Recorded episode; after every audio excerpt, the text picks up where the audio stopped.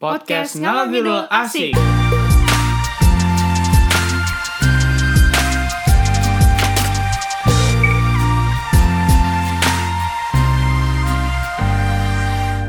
Hi everybody, welcome back to podcast Hummus and Bacon. Halo dan juga yang mungkin lagi di Amerika udara udah mulai udah mulai anget ya. Ya, menghangat walaupun kemudian mendingin lagi, Yes. terus banyak angin-angin gitu. Yes dan semoga kalian di sana stay healthy. And again thank you buat pendengar-pendengar kita. Kemarin kita sorry kalau kita nggak post immediately di Instagram karena kelupaan sebenarnya. Tapi ternyata masih ada juga yang mendengar. So we are so thankful.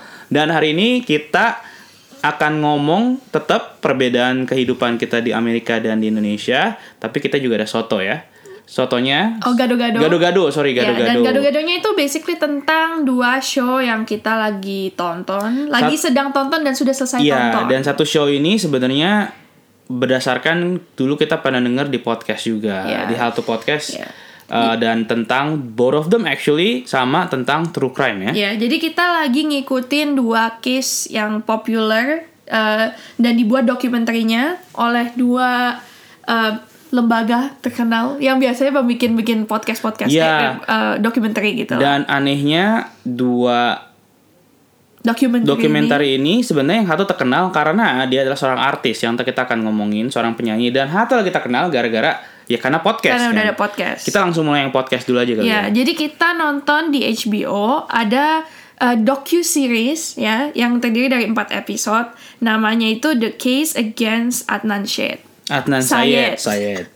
Dan Ya. dan ya boleh terusin. Ya dan di uh, di podcastnya dulu tuh sempat ada sebelum podcast dikenal ada podcast yang dibuat oleh Sarah Koenig namanya tuh Serial gitu dan dia ini kayak bener-bener uh, change the world of podcast lah gitu jadi podcast dari yang biasanya nggak uh, nggak banyak orang tahu jadi diminati banyak orang gitu dan uh, podcast ini sampai didengerin ratusan juta kali lah Mungkin intinya. million. mungkin Mungkin million. Ya, ratusan eh, didengarkan ratusan juta kali dan dia jadi terkenal, dia jadi diundang-undang dan podcastnya ini adalah tentang dia menginvestigasi tentang eh, seorang cowok, eh, seorang pemuda namanya Adnan Syed yang dia sedang di, sedang dipenjara eh, life imprisonment karena dia diduga, oh well bukan diduga sih, dia sudah di eh, Udah nyatakan bersalah. udah dinyatakan bersalah. Katanya dia itu membunuh eh, mantan pacarnya yang Yes. bernama Heyman Lee gitu. Dan dan latar belakangnya juga adalah Hemenli ini mereka dia Asia Korea tepatnya dan Adnan itu Pakistan Nah, dan kejadian ini eh udah 10, 10 tahun, lama. Eh 20 tahun yang pokoknya lalu. lama dan kenapa jadi jadi sangat dibicarakan? Itu karena eh, tidak ada bukti evidence yang benar-benar ya nggak ada bukti forensik, Forensik lah, lah, ya, jadi- yang ngelink mereka gitu. bahkan bahkan kalau kalian nonton apa dengar podcastnya bahkan akhirnya di DNA evidence-nya pun tidak sama sekali eh, ngeling si Adnan ngebunuh si Hemen Lee Ya, tapi yang membuat dia masuk ke dalam penjara itu adalah karena ada satu temen dia yang namanya Jay Wilds itu yang menyatakan kalau memang gue lihat dia bunuh, gue bantu dia uh, kayak kubur dia gitu segala macam. Jadi karena because of the testimony of this one person, the testimony ya of this one person and karena dia cerita ke orang-orang lain jadi Yeah. mereka uh, basically uh, memberikan kesaksian kurang lebih sama lah kayak Ya. Jay Ya, dan kita nggak tahu sebenarnya apakah ini benar, tapi yang pasti kita bisa ngelihat kalau misalnya dari investigasinya itu banyak kekurangan lah ya. Jadi kayak banyak ends yang nggak dieksplor gitu lah. dan walaupun kalau kita bilang kenapa kita bilang kalau kalau kalau kalau Koko sebenarnya jadi berubah sih ada kemungkinan Jay bersalah tapi dalam sidang pertamanya dia kayaknya banyak kekurangan yang harusnya bikin dia nggak di penjara gitu. Kayak contohnya eh mayatnya ditaruh di trunknya mobil trunk mobil nggak diperiksa. DNA-nya nggak diperiksa sama sekali. Bahkan ada banyak-banyak barang-barang di sekitar mayatnya si Hemeli nggak menunjukkan Adnan itu. Adnan ada udah gitu ada saksi mata yang eh, ngelihat Adnan untuk kejadian nggak diinterview juga. Udah Iya. gitu kesaksian si J berubah-ubah. Jadi mungkin kamu juga sempat bilang kan mungkin dia bersalah. Cuman masalahnya kenapa dia di penjara eh, cuman karena kesaksian kesaksian orang yang nggak jelas itu kan? Ya Ya, bukan nggak jelas juga sih sebenarnya, tapi karena eh, ada hal-hal juga yang memberatkan Adnan. Jadi kayak misalkan kayak malamnya sebelumnya itu dia memang nelponin si Heminli sampai midnight. Ya, tapi, tapi, terus itu mungkin nggak memberatkan juga cuma Iya tapi terus teleponnya kan. ya ta- terus besok paginya dia sama sekali waktu hari Heminnya itu pergi ya, hilang dia sama sekali nggak telepon. I mean there's a lot of evidence tapi nggak ada forensik lah basically. Iya benar-benar. Jadi Nggak- pokoknya nggak ada concrete evidence dan ada concrete- dan uh, detektif-detektifnya itu sepertinya memang nggak niat untuk explore evidence yang uh, bisa me- me- menceritakan alternatif lain lah gitu. Iya, jadi makanya kayak tadi udah dibilang, maksudnya kayak banyak banget yang harusnya di dicek tapi nggak dipresent di sidang. Dan itu ya mungkin bukan kesalahan eh, yang nuntut si Adnan tapi kebanyakan kesalahannya ya lawyernya si Adnan karena males kan. Nggak nggak nggak cek saksi mata. Udah gitu kan kalau kita lihat ternyata eh, bukti teleponnya sendiri pun salah kan? Karena katanya Nggak akurat. nggak akurat gitu. Dan Iya. dan banyak banyak banyak banget lah perbedaan. Dan ini kita nonton sorry kita tadi nggak bilang kita nonton ini. Kita akan awalnya dengan podcast kita nonton ini di HBO jadi ada ada mereka ada kayak seriesnya ya. Iya, namanya The Case Against Adnan Syed gitu. Dan eh, kalau misalkan nonton, maksudnya dan kalau misalkan searching online lah ya tentang the whole case gitu, it's just interesting aja. Soalnya ini bener-bener eh, orangnya di penjara eh, lifetime itu karena testimoni gitu. Just because of testimony, walaupun gak ada bukti lain, cuma karena temennya bilang he did this, jadi dia masuk penjara. Antara dia benar melakukannya, apa dia nggak benar melakukannya kita nggak tahu. Dan ya, tapi menurut aku sih he deserve another trial lah, seenggaknya. Kayak dicek lagi gitu loh. Kalau Iya. memang dia benar yang melakukan ya, dan good lah, udah masuk penjara juga gitu kan. You know what I mean? Iya dan dan apa namanya dan akhirnya juga sedihnya kayak papanya si Atan ini sampai kayak depresi. Udah gitu kayak mamanya kita tahu bahwa dia akhirnya kena leukemia kan ya di tengah-tengah itu. Dan at the end of the story actually uh, Adnan mm, dia sempat nolak deal ya. Dealnya itu kan sebenarnya bisa agak membebaskan dia, cuman masalahnya Adnannya itu harus ngaku bersalah ya Ya, plea guilty. plea guilty tapi Adnan bilang no gue nggak gue nggak ngaku bersalah sama sekali akhirnya eh, ketika dia mau naik banding pun akhirnya ditolak dan sekarang eh, honestly ya Case-nya stuck, lah. stucknya stuck gitu. Bisa dia naik ke Mahkamah Agung ya kalau di sini ya sini ya. Tapi Mahkamah Agung kembali lagi kalau kamu naik ke atas harus lebih konkret lagi buktinya apa segala macam dan ya eh, cukup apa ya cukup Interesting cukup lah. interesting karena ada dua belah pihak. Ada yang bilang dia bersalah ada yang bilang dia nggak bersalah. Tapi again for us karena nggak ada bukti konkret sama sekali nggak ada DNA-nya sama sekali At least perlu diinvestigasi Iya, lagi dan lah kita gitu. kita menginginkan sebagai yang udah nonton yang udah denger podcastnya juga kasih dia fair trial Iya. ya kan jadi jadi ya dan dan anehnya juga kalau kita nonton di HBO ternyata yang yang uh, menuntut dia itu mungkin membutuhkan eh apa court ini buat dia bisa jadi apa ya jadi kayak buat pencitraan, pencitraan lah ya. karena dia kayak bermain politik juga gitu jadi Yeah. di satu pihak ada politik versus kayak korban yang mungkin dia nggak salah mungkin dia salah we don't know but again it's just sistem law di Amerika ternyata bisa dimain-mainin juga ya Hmm, ya gitu. Dan kita nggak nggak memihak satu pihak apa apa, Bukan. tapi maksudnya kayak dokumen dokumenternya sih bagus, uh, well written, well produced. berbeda dari podcast ya Ya berbeda dari podcast. Kalau misalnya kita kayak sering lihat podcast gitu kan, kayak eh denger podcast gitu, denger podcast kayak uh, it's good gitu kayak apalagi kalau misalnya yang well produced one gitu. Tapi kalau misalnya ngeliat dokumenter itu bener-bener beda karena you can actually see the people, you can really see the picture segala macam kayak gitu dan efeknya itu emang jauh lebih berbeda Dan- daripada dengerin podcast. dan bukti-buktinya juga lebih banyak yang kita baca Iya, yang, iya. yang kita lebih dengar gitu dan itu eh, ya itu show yang kita lihat di Iya. HBO kemarin kayaknya kita juga apa namanya one of the reason kita pakai HBO karena kita pengen nonton dokumenter ini ya which is Iya. the case against Adnan Syed Ya, ya. dan kalau misalnya minggu lalu kan kita udah nonton dokumenter yang tentang Theranos itu juga kan. Hmm. Jadi kayak there's a Kita nonton soal itu Didi juga. Ya, eh, yang Gypsy and Didi. ya dokumenter Mommy Dad and Dearest tentang Didi and Gypsy Blanchard. Jadi kayak di HBO itu banyak dokumenter dokumenter kayak true crime yang bagus, well written, well researched. Jadi kita uh, been watching that. Hmm. Dan setelah kita nonton-nonton dari uh, HBO, kita juga tahu kalau misalnya yang lagi hot sekarang itu adalah dokumenter true crime juga tapi not really true crime True crime lah.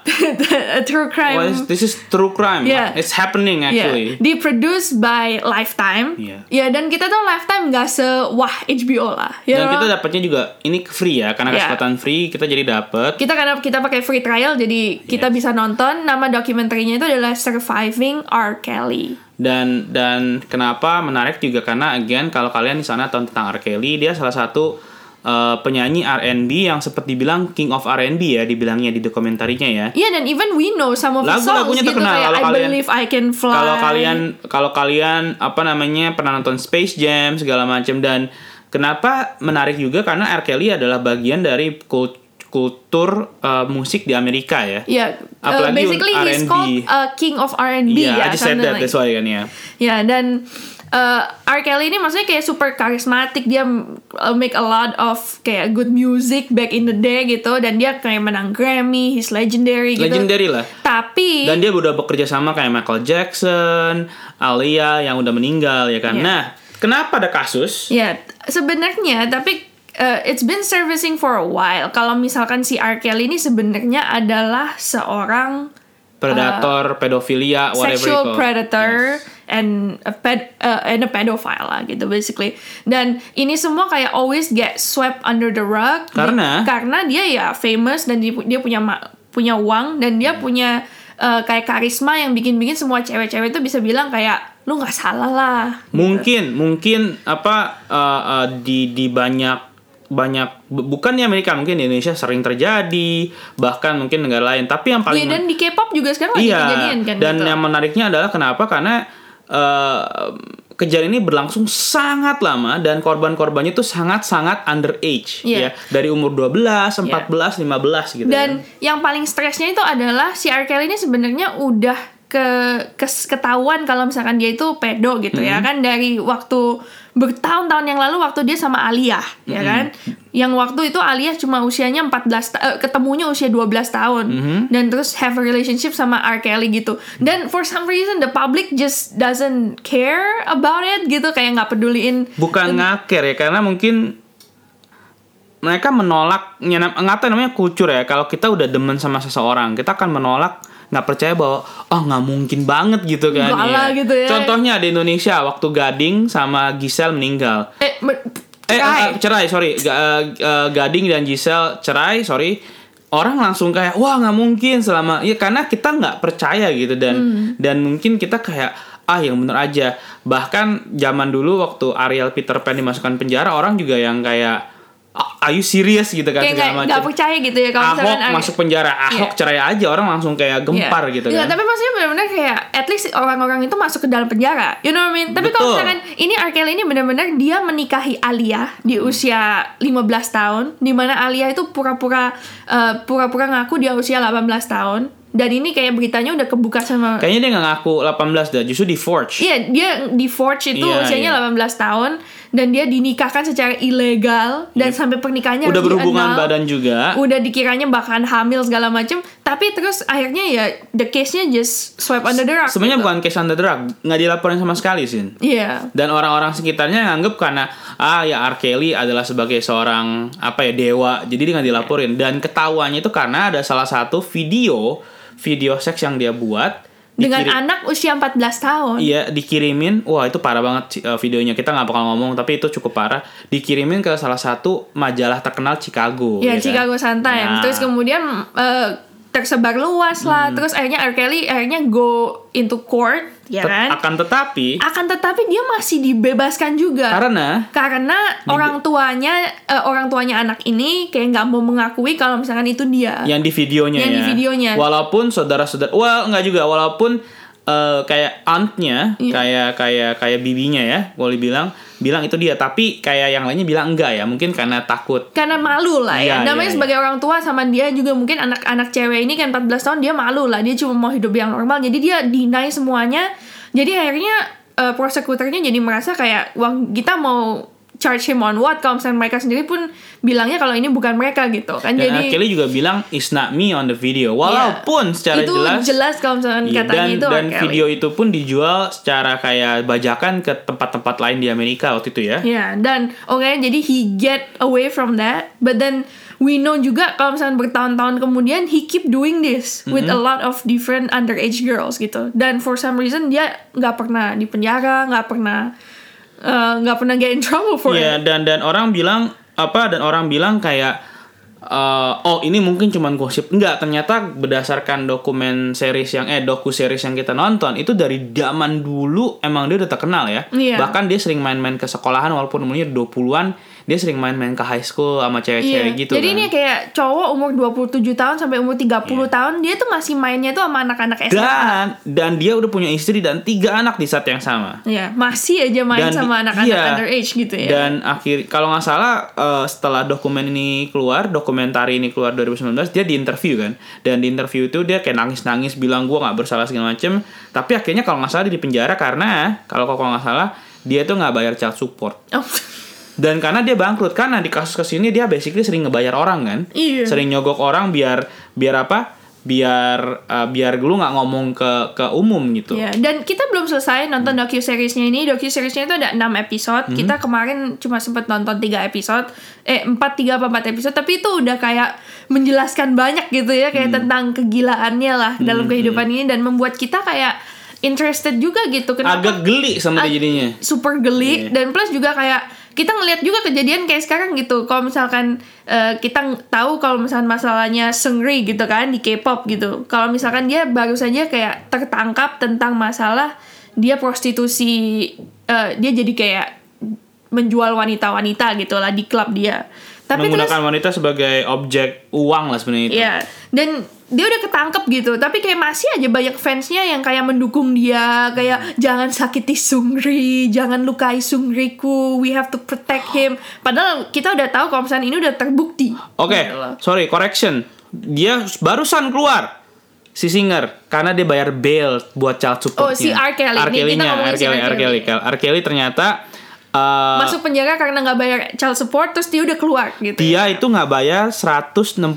ribu Hmm. child support. Dia nggak bayar uh, karena dia bilang gue punya duitnya, tapi dia bayar bail dan akhirnya dia keluar. Jadi sistem, again, sistem di Amerika ya. Yeah. Dan soal Syungri tadi, bahkan Syungri baru ketahuan ngenyogok polisi dalam urusan uh, masalah malasa, uh, ma- sorry, masalah di klubnya ini gitu. Jadi Yeah. Wah gila, ini Jadi bintang udah, besar. Iya, dan dia udah jelas banget melakukannya, tapi masih aja banyak fans yang kayak mendukung dia gitu loh. Ya, again karena ya sama Again. sama kayak musiknya R. Kelly yang ngerubah culture Amerika, Big Bang adalah bagian dari Korea gitu Yeah. dan dan sungguh menyedihkan kalau dia harus seperti ini gitu kan. Hmm. Sama lah kayak dulu zamannya kita Peter Pan. Hmm. Waktu Ariel dimasuk hilang udah Peter Pan. Iya, padahal waktu itu kayak Peter Pan Iya lagi naik daun banget. in the top of iya the siapa world. sih nggak kenal ya, Peter Pan sekarang pun kita masih denger Peter Pan lagu-lagunya. Ya akhirnya sampai kayak dia mereka keluar terus ganti nama. Betul betul betul mesti ya buang buang buang sial. Kali ya. sial. Oke, that's I guess that's what we want to share yeah, ya I buat guess that's like the gado-gado for this week. Ada apa aja sih yang tadi kita Jadi ngomongin? kalau misalnya kalian mau nonton namanya The Case Against Adnan Syed Di itu eh, itu di HBO, the di- documentary. Kalau mau denger podcastnya di Kalau- serial oh itu ya? namanya kalau podcastnya sih serial. Kalau misalkan kalian suka podcast true crime itu recommended itu udah rada lama sih. Jadi kita just mention the podcast soalnya dokumenterinya baru aja keluar gitu dan baru aja kelar. Dan kalau misalkan uh, the R Kelly documentary itu kalian bisa nontonnya di Lifetime. Sementara kalau misalkan Lifetime itu free if you have a cable account atau la- atau like a live live TV uh, subscription gitu lah. Dan Kayak kalau misalkan Hulu ya. ya atau kayak misalkan kayak eh, kalau misalkan kalian nggak punya regular cable kayak Xfinity, Comcast gitu, eh, kalian bisa pakai kayak Philo atau Hulu, bisa pakai free trialnya. Kemudian dari free trialnya kita eh, get the free lifetime. That's what we did actually. So eh, kita bakal masuk ke Soto. Mhm. Dan Soto untuk minggu ini kita Tetap tetap tentang perbedaan Indonesia dan Amerika ya. Iya, dan kita mau membahas sesuatu yang recent. Lagi lagi akan terjadi lagi akan terjadi di Indonesia. di Indonesia, yaitu adalah pemilu. Dan kita nggak akan ngomong siapa yang akan kita pilih segala macam, tapi kita Enggak, cuma ngomongin perbedaan. prosesnya ya. doang. Eh, jadi bakal di Indonesia se- eh, seperti yang kita tahu bakal ada pemilu pemilih Tanggal? tanggal 17 April Yes. secara serentak di Indonesia. yep. Dan eh, mereka akan memilih eh, u- untuk pertama kalinya mereka akan memilih presiden dan juga anggota-anggota MPR DPR DPR atau dibilang legislatif. atau pemilihan legislatif. Dan eh, kalau misalkan eh, seperti kita kita ini yang tinggal di Amerika, kita nggak memilih tanggal 17 April.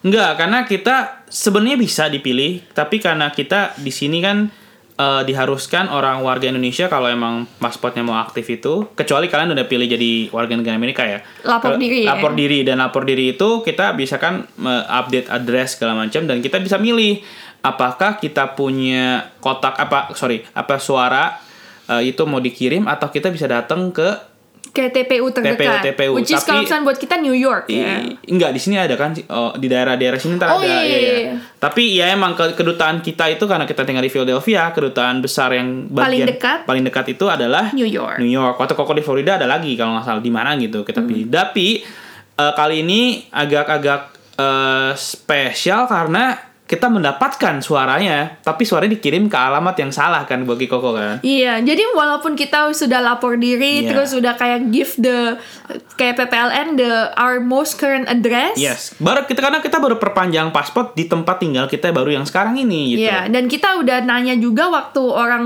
pemilunya datang kayak bikin booth gitu. kita Oh, udah sudah nanya, terpil- udah- oh, udah di- sudah terdaftar. Bahkan nama saya salah. Iya, tapi terus ternyata malah dikirim ke old addressnya Ya, Ko Andi. Untung untung akhirnya bisa ketemu dan tapi anyway uh, bagi kalian yang dengerin dan kalian tinggal di Amerika, ayolah kita pemilu gitu ya, jangan golongan ah, jangan golput karena Ya. suatu suara pengaruh. Anyway, uh, Jadi eh, Ko Andi dikirimkan ke rumahnya yang lama Yes. surat suara dia. Yep. Jadi dia cuma perlu eh, nyoblos. uh, kita waktu itu karena saya udah, udah nyoblos dan saya udah kirim balik nyoblos uh, dua dua sur sebenarnya du- dua surat lah ya Iya. satu surat presiden, presiden, wakil nah. dan satu lagi uh, anggota DPR Iya. dan ya anggota DPR nggak sebanyak waktu Koko di dulu Indonesia dulu tahun 98 banyak banget Kayak anggotanya. gede banget Iya, gitu iya, ya iya, iya. kertasnya. Koko pernah pilih waktu dulu zamannya lupa ya antara SB Peg- Megawati tapi Koko udah Koko pernah pilih itu gambarnya banyak banget Jadi gitu. bingung gitu dan ada ya. banyak foto kemarin kita kan MPR nggak eh, eh, sekali- sorry DPR nggak banyak foto sama sekali cuman nggak ada foto ya. dan enaknya boleh pilih orang atau partai Iya kan Hmm. Koko nggak tahu dulu sih cuman sekarang kita boleh pilih partai atau anggota karena ya mungkin satu satu anggota atau satu satu partai dianggapnya satu kursi apa segala macam kurang Ya. tahu anyway Ya, jadi eh, Ko Andi telah memilih secara bukan di tanggal 14 eh, 17 Aprilnya di mana kita memilih di rumah. Hmm. Nah, menyoblos. kita kirimkan Kemudian dikirimkan, mereka kirimkan dengan bersama return envelope-nya. Dan ya bagi kalian yang akan memilih dan jempol kalian dicap, berbahagialah karena saya akan dicap, saya cuma dapat stroke bahwa saya telah memilih gitu kan. Dan harus disimpan itu. Ya, dan jadi kita mengirimnya malah via mail. Via mail dan langsung. Jadi kalian again yang belum kirim Ya. eh, tusuk jadi, itu. ya, jadi kita pakai kirim, paku. jadi kita kirim fotonya waktu itu ke teman-teman kita ke Indo kayak wah kita sudah memilih lah, Eh, ke orang orang tua, tua. kayak ke saudara juga Mereka lah. kaget kiranya Ya, kan. wah kok sudah memilih gitu. Nah itu tuh, ini ini ini oh sorry ya, sin kau pakai. Dan hati-hati dengan berita hoax dibilangnya, wah salah satu orang partai ini udah kirim. Bukan, karena kalian tinggal di Amerika, ya kita harus milih duluan karena ada surat segala macam. Jadi bukannya kita dibayar buat memilih salah satu orang, bukan, karena emang sistemnya kita melalui surat dan Iya. surat itu butuh waktu lama untuk Iya. bisa nyampe ke kedutaan. Jadi gitu kita kan. juga nggak bisa memilih secara serentak Iya, gitu kan. stop hoax gitu kan.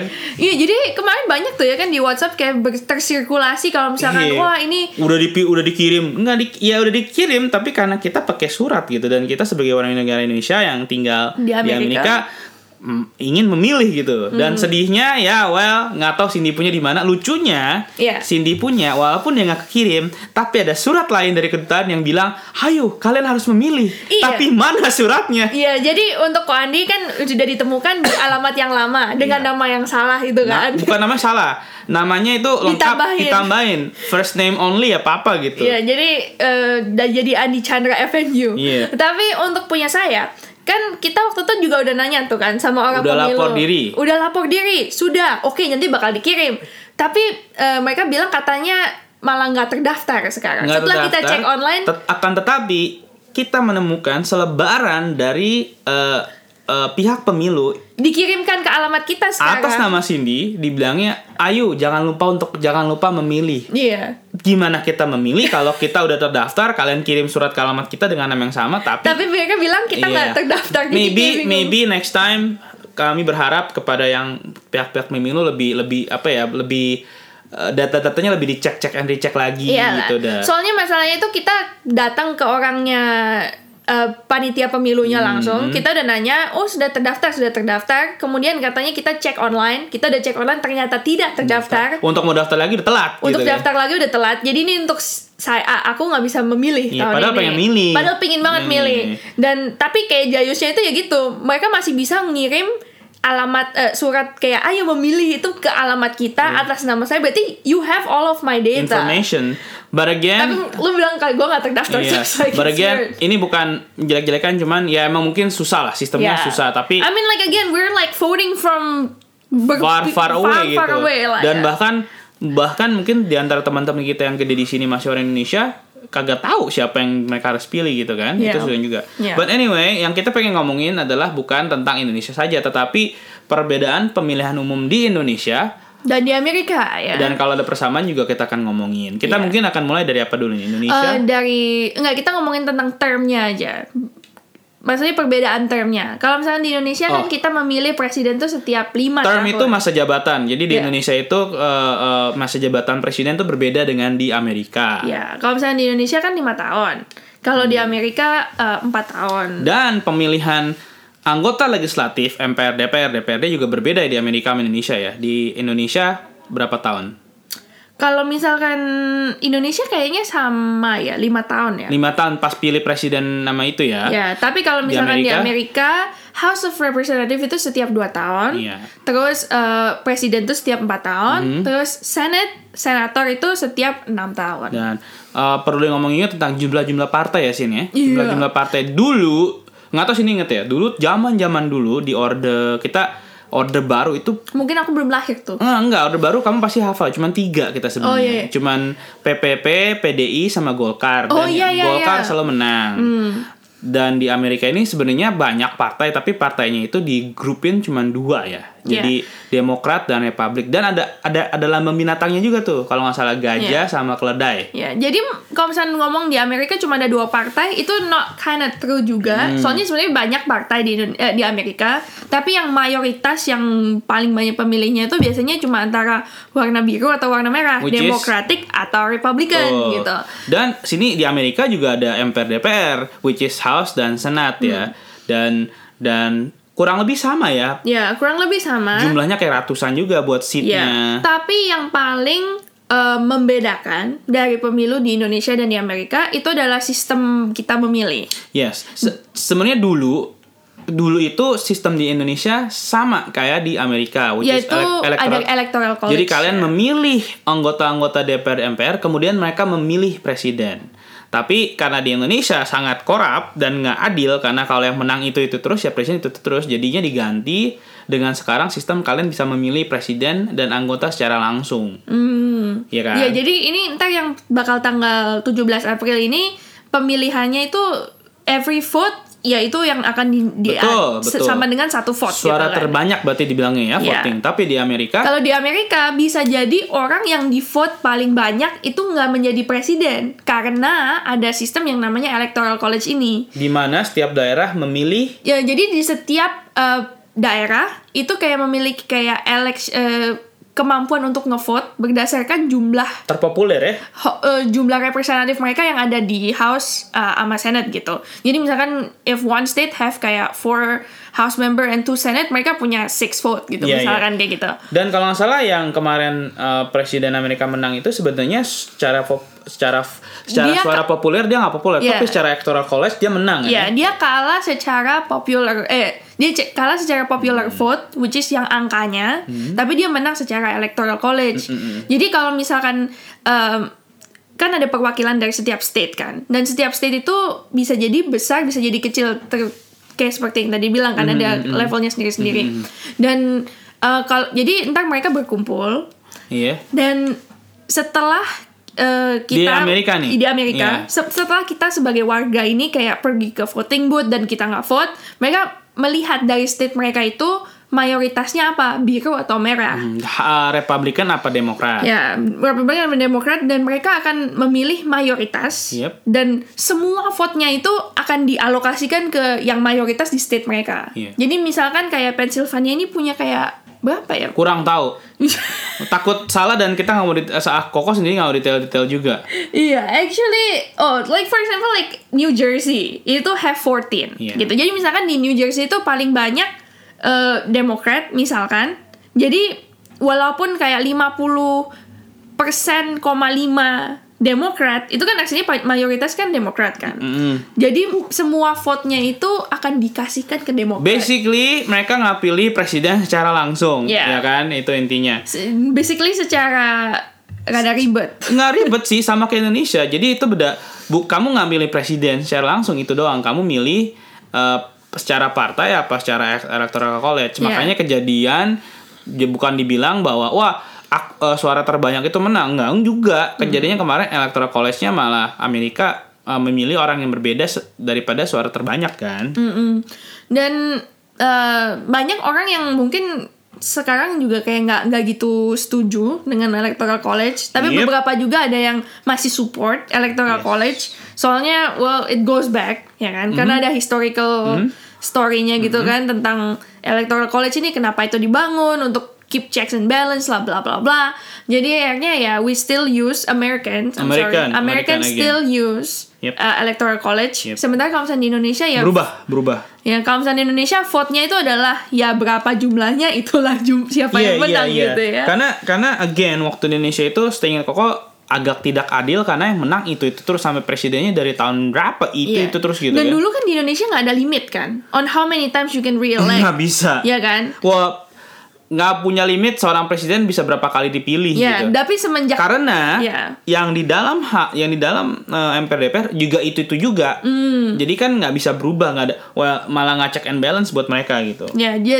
tapi setelah eh, masa yang itu terus saya kan kita Hmm. Orde jadi baru. ya jadi setelah masuk di orde baru kita kan berubah gitu kan Yes, jadi yes. kayak you cannot re, eh, a president cannot be re-elected kayak sampai dua dua kali maksimal ya two Eh, terms Kayaknya dua kali deh. Ya kan two Iya, terms. iya. I think it's the same too for America. Soalnya kalau misalkan Obama juga abis dua kali, dia terus abis gitu nggak boleh lagi Yes, sekarang, yes. ya kan? Tapi tapi um, ya Amerika 2000 berarti 2020 mereka akan melakukan pemiluhan Iya. pemilihan buat presiden dan wakil presiden ya. Ya. Dan itu akan terjadi akhir tahun, November 2020. Hmm, dan dan kayaknya kalau nggak salah mereka udah mulai ada calon-calon presidennya sih, setahu Koko. mungkin Dan udah mulai running dari sekarang. gitu. Iya, iya karena mereka harus juga. Iya. Tapi ya menarik aja karena karena waktu zamannya dulu Obama kepilih ya Jokowi terpilih segala macam. Jadi kita excited nih ini kan eh, Indonesia Iya. mendekat lagi sebentar lagi. Jadi it's Tapi kandidatnya juga lagi. sama ya. Kandidat presiden uh, Indonesia untuk tahun ini. seorang bisnismen dengan seorang bisnis. Well, enggak sih si si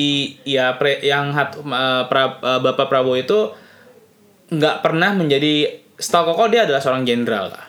Iya, tapi dia juga yang uh, maksudnya majukan diri juga mm, lima tahun yang lalu. Yes, karena Jadi lima tahun Mhm. yang lalu itu juga Jokowi versus Prabowo dan ini sekarang tahun 2019 ini adalah Jokowi versus Prabowo lagi. Yang beda cuma adalah Dan- vice president. Dan juga. yang menarik adalah yang menurut menarik yang orang sering lupakan wakil presidennya Prabowo itu kan si Sandiaga Uno. Dia dulu adalah wakil gubernur. Yes. Sekarang pertanyaan Koko kepada kalian semua yang bisa bantu Koko. Sekarang wakil gubernur-gubernur Indonesia tuh siapa gitu?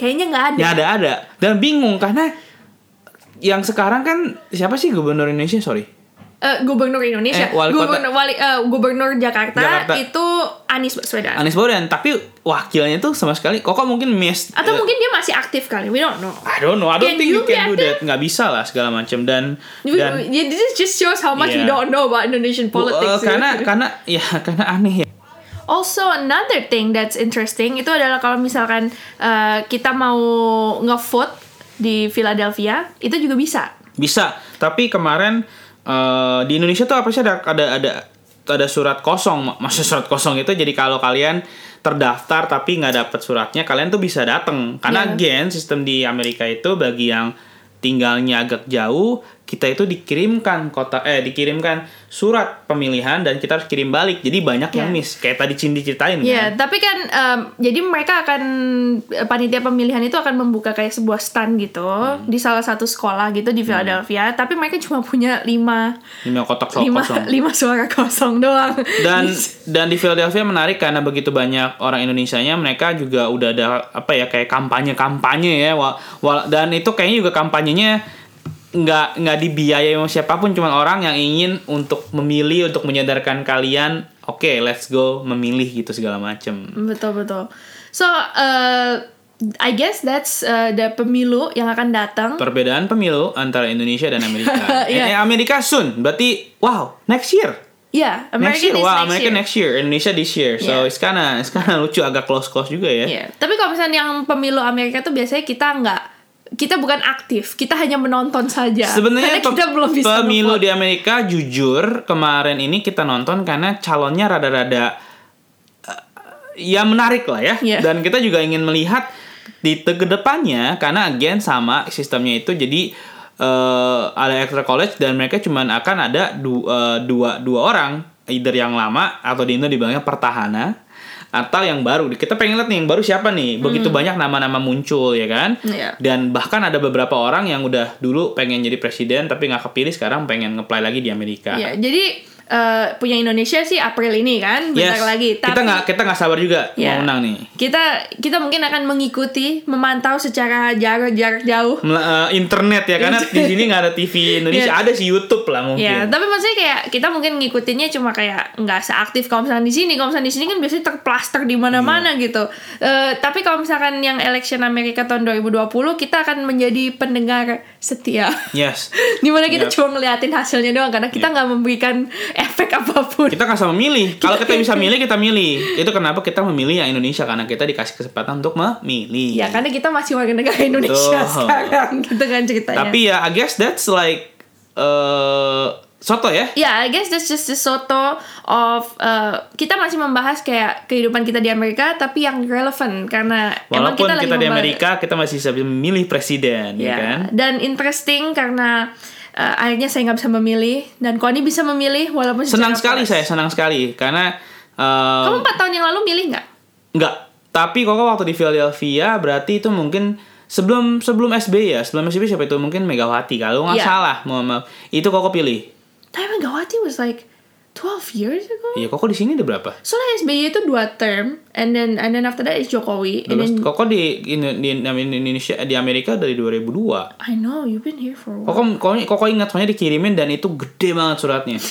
Karena zaman DPR gitu. Iya, Wow. suruh suruh MPR DPR dan kok nggak ngerti ya, cuman ngertinya presiden doang because I knew it gitu kan. Jadi ya anyway, renungan renungannya juga tentang ya basically kalian memilih lah. Kalau Iya. kalian di Amerika masih bisa memilih, kalian harus memilih. Kalau kalian nggak tahu buka Google, buka YouTube, tentukan pilihan kalian. Betul. Karena Jangan suara- menjadi seperti Cindy yang Iya. akhirnya nggak bisa memilih. Karena karena apa ya? Karena satu suara tuh pengaruh banget, ya kan? Satu Iya. suara tuh pengaruh banget. Mungkin cuman beda satu, cuman kalau kalian satu bisa karena suara kalian bisa me- apa? merubah kehidupan suatu negara gitu kan? Betul. Jadi kita dari uh, podcast ngalor Ngidul asik tidak mengendorse, Enggak. tapi kita mau Mengendorse buat memilih. ya, mari kita pilih saja.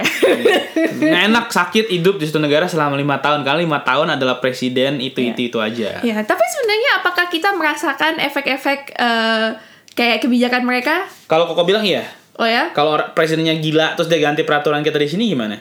Bener Mesti sih. mesti pajak dilapor segala macem. Terus kalau pulang kita dipersulit segala macam bisa sebenarnya walaupun mungkin teman-teman kita bilang kayak ah nggak peduli lah gue tinggal Iya. mereka loh Soalnya mungkin kayak banyak orang yang udah tinggal di Amerika Iya. lama walaupun mereka masih warga Indonesia ya. Mereka bilang Iya. buat apa gue milih? Kan gue tinggal di bisa, Amerika, men. tapi sebenarnya pengaruh ya. misalkan presiden yang baru tuh sangat-sangat fanatik dan dia benci Amerika dan kita tinggal di Amerika Hmm. kita bisa dipersulit gitu segala macam ya kan Eh, kalau kita dengar baru-baru ini kalau nggak salah di Brunei ya kamu dengar apa enggak bahwa kalau kaum LGBT itu bahkan dipancung apa dilempar pokoknya dihukum mati lah di di Brunei Oh iya iya. iya. Kan dan dunia itu mengecam dan apa yang terjadi ya mungkin warga negara di sini sama juga kalau satu negara peraturan berubah orang akan melihat kita berbeda gitu. I think it will be affected gitu loh. Hmm. Oke, Mau- oke. Secara langsung kalau bilang bakal affected policy policy segala macam. Okay, so in the end, our final message is go vote. Go vote if you have a vote vote. Um, if you eh, orang Indonesia tapi udah jadi warga negara Amerika, Ya, ingatkan wah, yang lain ingatkan yang buat lain. vote terus eh, tuh dan Oh kalau misalkan lo anggota eh, orang Indonesia tapi sudah menjadi warga negara Amerika, vote yang tahun depan. iya dan again stop berita hoax. Iya benar. Just be smart. Ya, be I know. smart. Don't just trust anything that you read Yeah, on WhatsApp, be man. smart. Even my parents al- almost kena hoax dengan anak sendiri. Kenapa udah dapat surat-suara? No, you have to explain, ya kan? Uh, don't apa be smart, stop hoax dan if you have a chance to to to vote, please vote. Yeah, just use your Yeah. rights. Use your Okay. mind. Bye Okay? guys. See you next week. Bye bye.